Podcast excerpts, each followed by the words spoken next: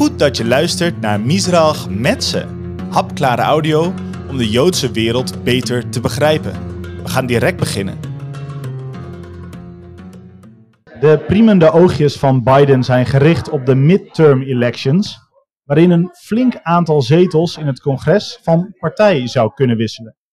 Als het gaat om zijn buitenlandbeleid, is het de Russische oorlog in Oekraïne die de klok slaat, samen met natuurlijk China als thema.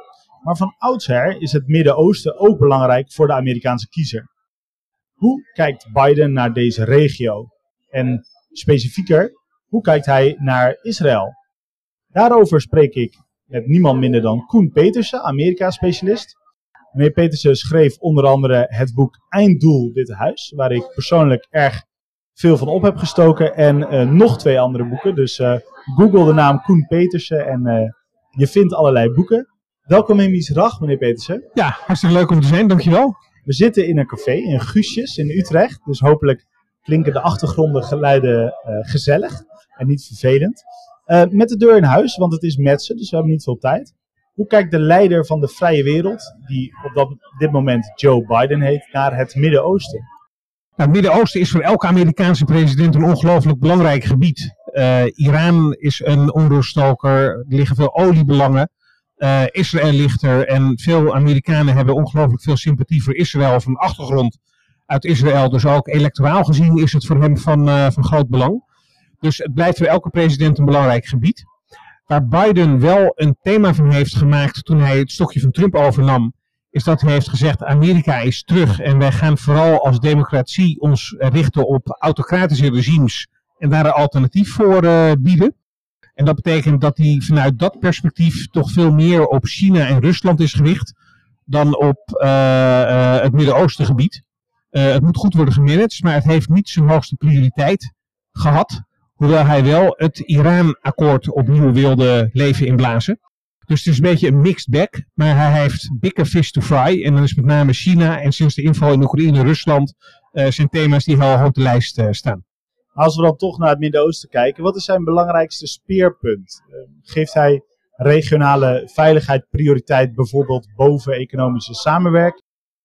Hij heeft denk ik twee speerpunten in het uh, gebied. Uh, wat hij in de campagne heeft gezegd is dat hij degene is die die Iran-deal wil herstellen. Ja. Nou, er wordt nu veel tijd in gestoken, nog niet met succes, maar het is wel iets waar echt een hele uitgesproken ambitie uh, van hem ligt. Even heel kort, die Iran-deal is getekend onder Obama, waar hij vicepresident van was.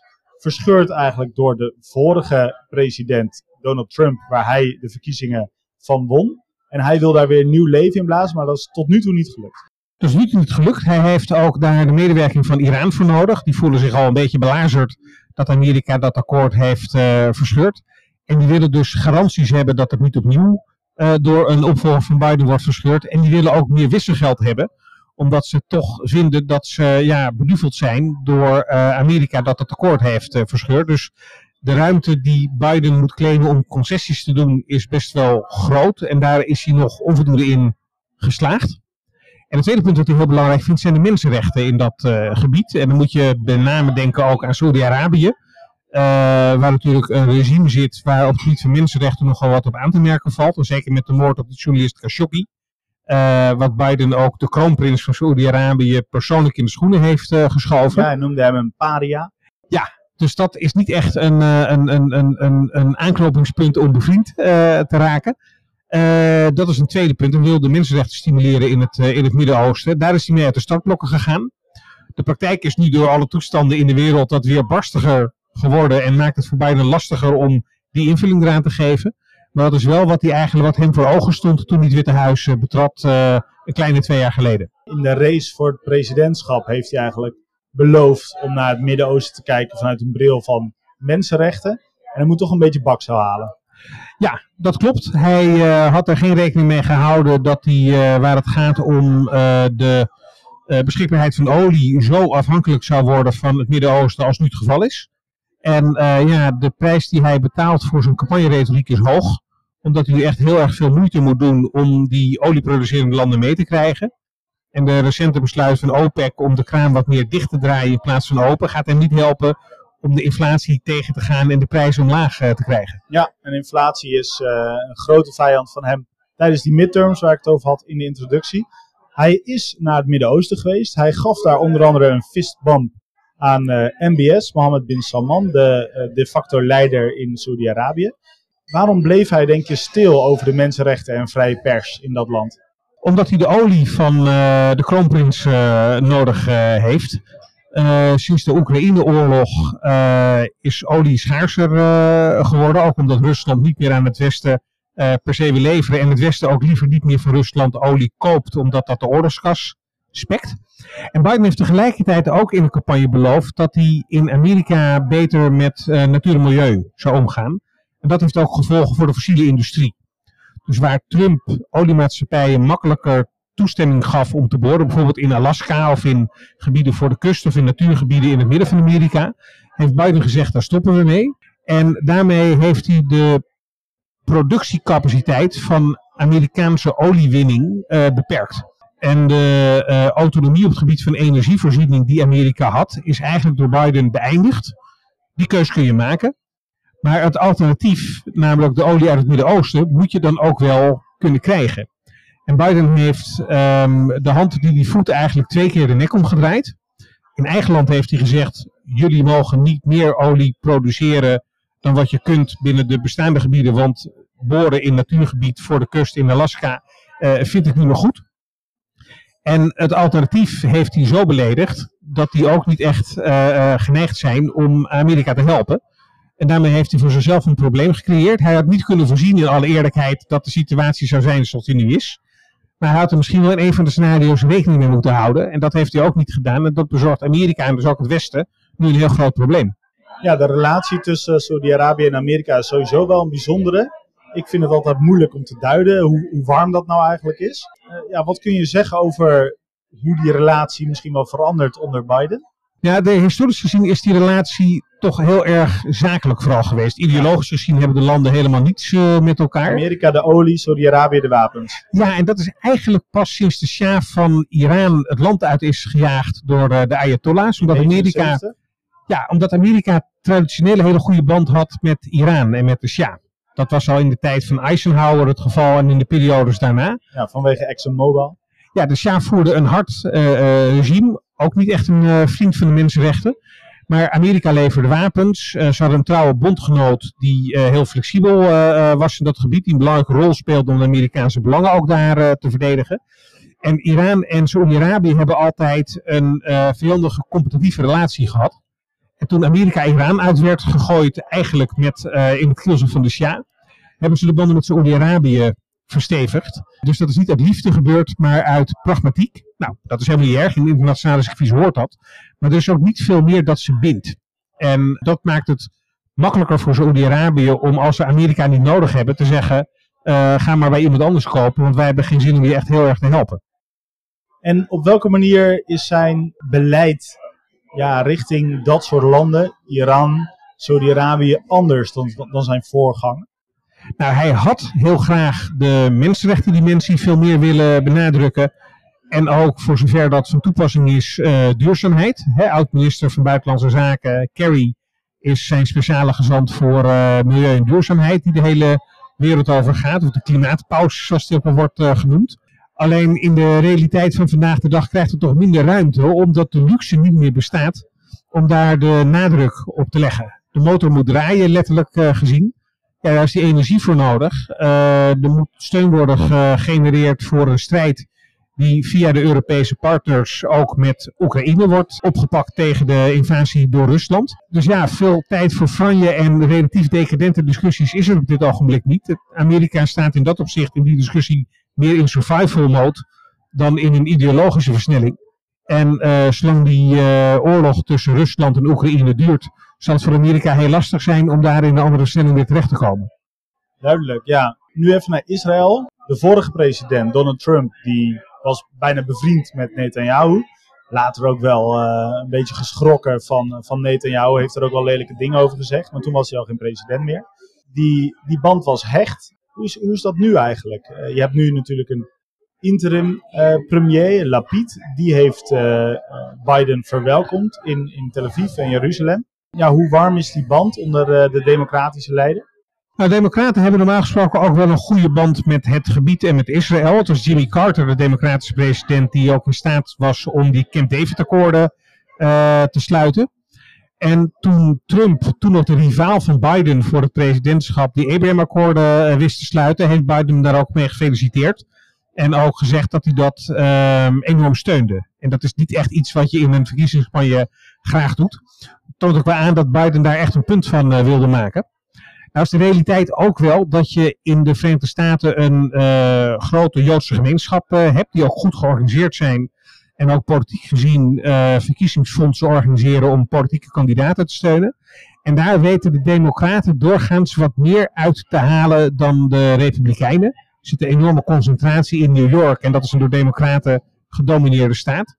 En Biden moet er ook wel voor zorgen dat als hij die achterban, die democratische achterban, goed wil bedienen, uh, dat hij ook wel een warme band met Israël moet, uh, moet opbouwen. Biden is wel meer van de diplomatie. Dus die confrontationele stijl die uh, Trump had, die zal je Biden niet snel zien oppakken. In dat opzicht is het denk ik ook voor Biden makkelijker dat Netanyahu nu geen premier meer is. Kijken hoe lang dat duurt natuurlijk. Maar de omstandigheden zijn nu denk ik wel voor Biden gunstiger om met Israël weer banden te smeden dan dat ze zijn geweest onder Netanyahu. En dat Trump ook zo investeerde in de relatie is voor de Republikein minder voor de hand liggend dan voor een uh, democrat als je naar het Amerikaanse politieke landschap uh, kijkt. Ja, hey, en um, als je nou, ik weet niet in hoeverre je ook onder, achter de diplomatieke coulissen hebt kunnen kijken in je, in je carrière, maar denk je dat de VS een hand hebben in de relatie die Israël onderhoudt met Saudi-Arabië en hun acties als het gaat om Iran? Het is lastig uh, omdat um, als um, laat ik zeggen, buitenstaander uh, goed in te kunnen schatten. Nou, we weten dat er een hotline is. Ja, en er ligt ook wel uit het verleden steun vanuit Saoedi-Arabië als Amerika echt een uh, militair strategisch beroep op het land deed in crisissituaties. Hè, tijdens de eerste golfoorlog bij de ontzetting van Kuwait heeft Saoedi-Arabië er ook in bewilligd dat Amerika troepen kon stationeren op Saoedisch grondgebied als basis om uh, te helpen Kuwait uh, te bevrijden. Uh, dus in dat opzicht zie je dat Saoedi-Arabië ook wel als het erop aankomt een um, zaken heeft kunnen doen met, met de Verenigde Staten. Waar de Verenigde Staten wel bang voor zijn is de cultuur dat de landen in de regio elkaar ook uiteindelijk graag willen helpen. En dat een toezegging die op het ene moment wordt gedaan, toch nog kan worden teruggegeven op het moment dat met de buren uit hetzelfde gebied een afspraken worden gemaakt waarvan Saudi-Arabië in dat geval dan denkt, dat is eigenlijk ook wel uh, heel goed. Dus het is niet een partner waar Amerika 100% op durft te vertrouwen, ook door die cultuur. En ook omdat er geen ideologische band zit tussen uh, beide landen. Maar als er belangen zijn die ze delen, heeft Saudi-Arabië wel laten zien dat er met ze gepraat kan worden. Maar dan moeten die belangen wel heel erg parallel lopen. En dat is op dit ogenblik denk ik uh, minder het geval dan uh, in andere echte crisissituaties. We weten niet hoe dat precies zit, maar soms worden er uh, mensen ook bijvoorbeeld in Teheran of op Iraans grondgebied geliquideerd. Dat komt Israël erg goed uit, want het zijn vaak nucleaire specialisten of zo. We weten niet of Israël het is of Mossad het is. Maar denk je nou dat de Amerikanen of CIA af en toe zegt van mag het een onsje minder zijn? Of, of dat ze er ergens voor gaan liggen? Of moeten ze misschien toestemming? krijgen voordat ze zoiets gaan doen? Of uh, hoe, hoe nauw zijn die banden, denk je? Ik vind het lastig in te schatten hoe dat in dat gebied precies zit. Ook omdat het geheime operaties zijn. Dus je, je, je, je komt daar eigenlijk niet goed achter. Als je kijkt naar wat langer geleden, dan zie je wel dat de CIA een traditie heeft van het uh, samenwerken met andere landen. Uh, als het nodig is om um, politieke spelers uit te schakelen. Dat gebeurde met name in de jaren 50 en 60 in uh, Latijns-Amerika. Um, dus de CIA is in dat opzicht niet van onbesproken gedrag. Ik weet niet of de protocollen inmiddels zijn aangepast door de speelruimte van de CIA kleiner is geworden. Maar het blijft natuurlijk een geheime dienst van een heel groot land met enorme belangen. Dus um, ik zou niet uitsluiten dat wat je zegt klopt. Maar ik heb er geen concrete aanwijzingen voor om dat te kunnen bevestigen. Uh, dus het is een beetje in dat opzicht tussen het een en het andere het herstarten van gesprekken over vrede tussen Israël en de Palestijnen krijgt geen prioriteit, bleek toen Biden langskwam in Israël. Uh, hoe verklaar je dat? Ik denk nu door de noodzaak om uh, diplomatieke uh, efforts op een andere manier in te zetten. Um, nogmaals, Oekraïne, Rusland speelt politiek een belangrijke rol, omdat uiteindelijk iedereen er toch belang ook bij heeft, ook Amerika en de bondgenoten in Europa, dat ja, die oorlog eindigt en dat we weer terug gaan naar een normale situatie. China blijft een hele grote bedreiging, waar nu wat minder aandacht naar uitgaat, maar wat de bedreiging niet minder groot, maar misschien wel groter omdat ze ook um, met minder pottenkijkerij van anderen uh, zich kunnen ontwikkelen zoals ze doen. Dus Amerika heeft bigger fish to fry dan specifiek naar dit uh, uh, gebied te kijken. En ik denk dat ook electoraal gezien um, de belangen om de Palestijnen goed te bedienen minder groot zijn dan om Israël te steunen. bijvoorbeeld ook verder met het uitwerken van die Abraham Accords en Israël zoals Amerika dat doen te integreren in de rest van de regio. Um, en voor de rest ervoor te zorgen dat de wereld veiliger wordt en zich ook op die andere brandhaarden te richten. Ja, je hebt nu uh, twee keer als een echte Amerika-specialist bigger fish to fry gezegd. En net zei je ook dat, uh, ja, dat de ogen minder op China, lees China-Taiwan, uh, gericht.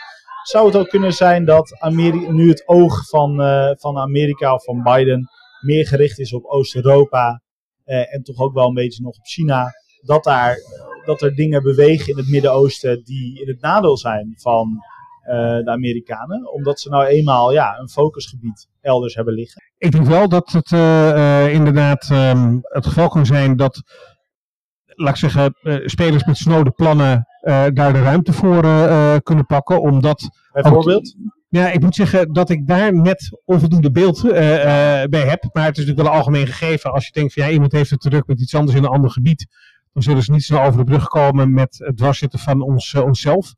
Um, en dat is het nadeel van Amerika. Ze hebben niet meer de slagkracht om overal even overweldigend aanwezig uh, te zijn. Dat is ook een van de risico's die wordt gezien rond Taiwan. Kan Amerika Taiwan wel verdedigen op het moment dat China bijvoorbeeld in 2024, waar rekening mee wordt gehouden, Taiwan zou binnenvallen? Je hebt dan presidentsverkiezingen in Taiwan. Nou, dan kan net iemand komen die wat meer voor die onafhankelijkheid is.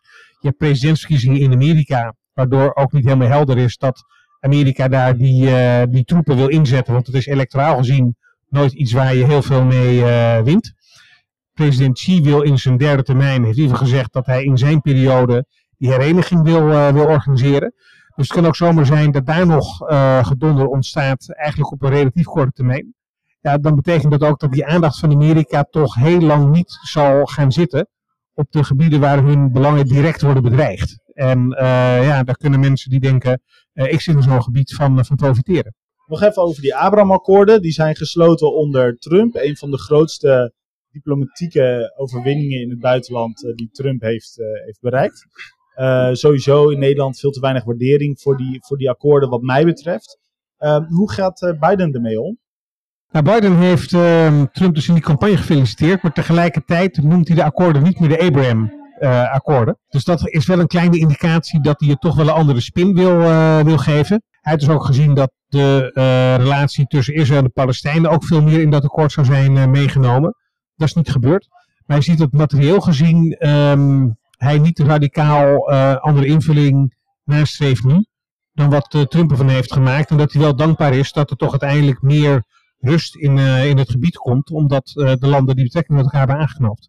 Maar wil hij het ook uitbreiden?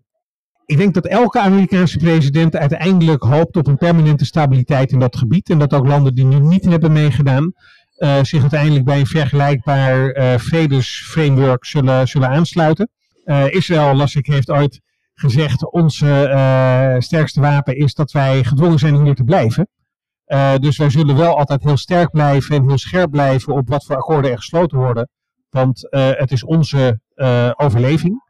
Um, maar uiteindelijk zullen hopelijk ook andere landen zien, net als Egypte dat al heeft gezien en nu hopelijk ook deze landen, dat vrede met Israël en meer rust in het gebied uiteindelijk voor iedereen goed is. Dat om die reden, zelfs als het eigen belang is van meer rust op de lijn en niet zozeer de sympathiefactor voor de landen met wie je een deal sluit, dat het toch zou helpen om dat netwerk van landen die vrede met elkaar uh, sluiten en elkaar erkennen, dat dat groter wordt. Ik denk dat dat winst is voor iedereen en ook voor ons hier.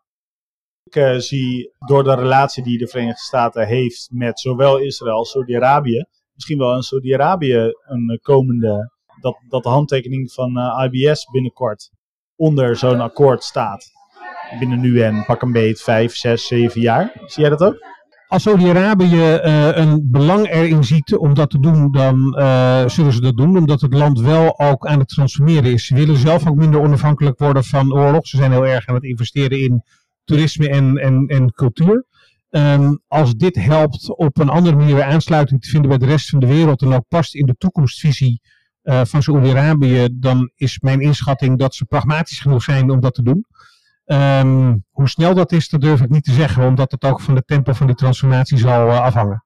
Zou je kunnen zeggen dat het Midden-Oosten, ondanks de pivot to Asia die je net ook uh, beschreef, toch wel belangrijk blijft voor de Amerikanen uit het oogpunt van wereldeconomie, stabiliteit daarin en het feit dat, dat, dat Israël daar ligt en daar blijft liggen? Ja, het blijft altijd een belangrijk gebied, omdat het uh, ook historisch gezien altijd op de rest van de wereld een enorme uitwerking heeft uh, gehad.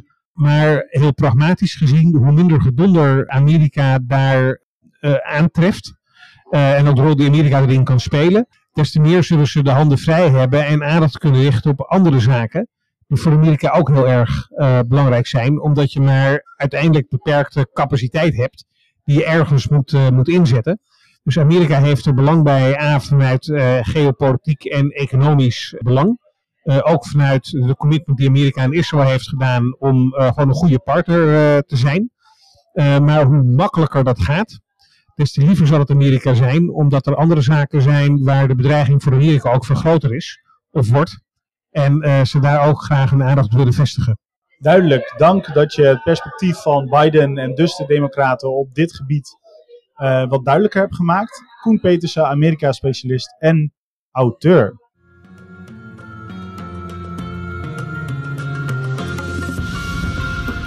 Smaakt dit naar meer?